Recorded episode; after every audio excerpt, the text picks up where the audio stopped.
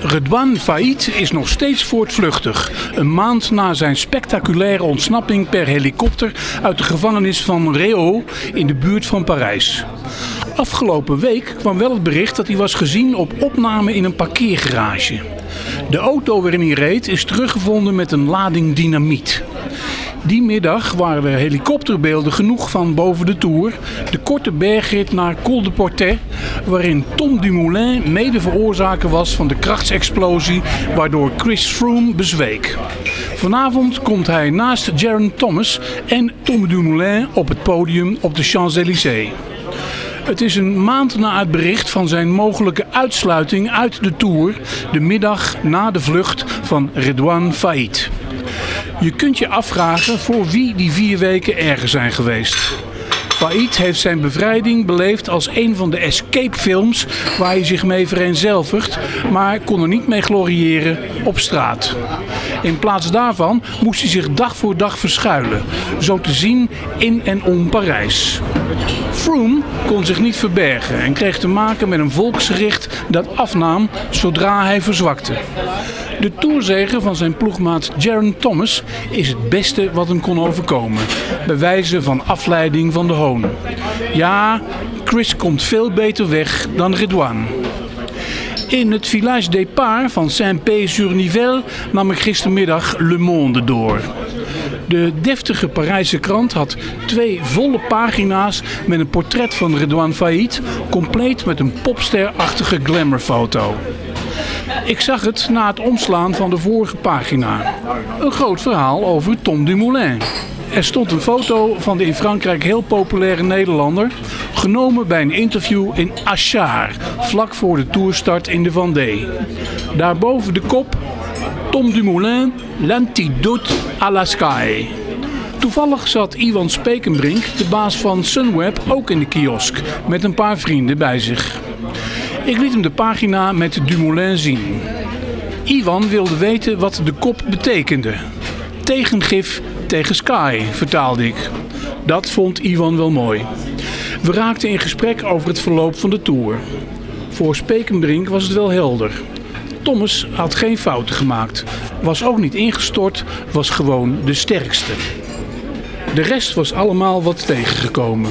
Froome zakte in, dat was ook de leeftijd. Iwan dacht niet dat Froome de Tour nog een keer ging winnen.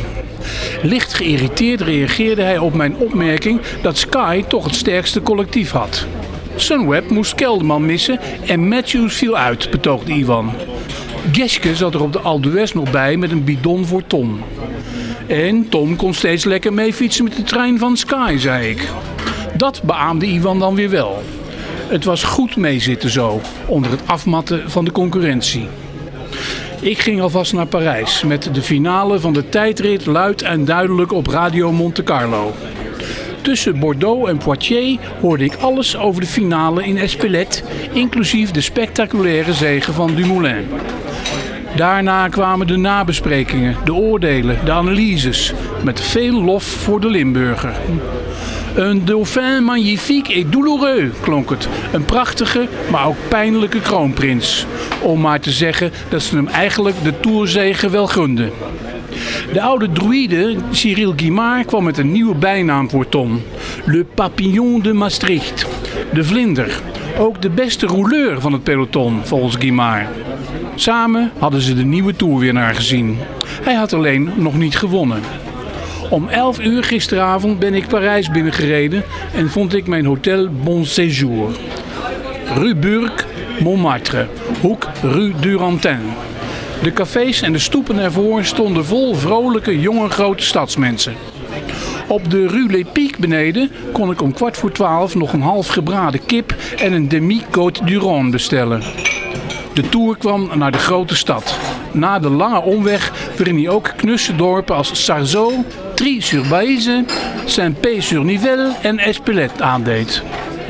Ik tik dit in Le Saint-Jean, traditioneel mijn laatste pleisterplaats van de ronde, aan de Rue Les Abbesses, aan de voet van de Sacré-Cœur.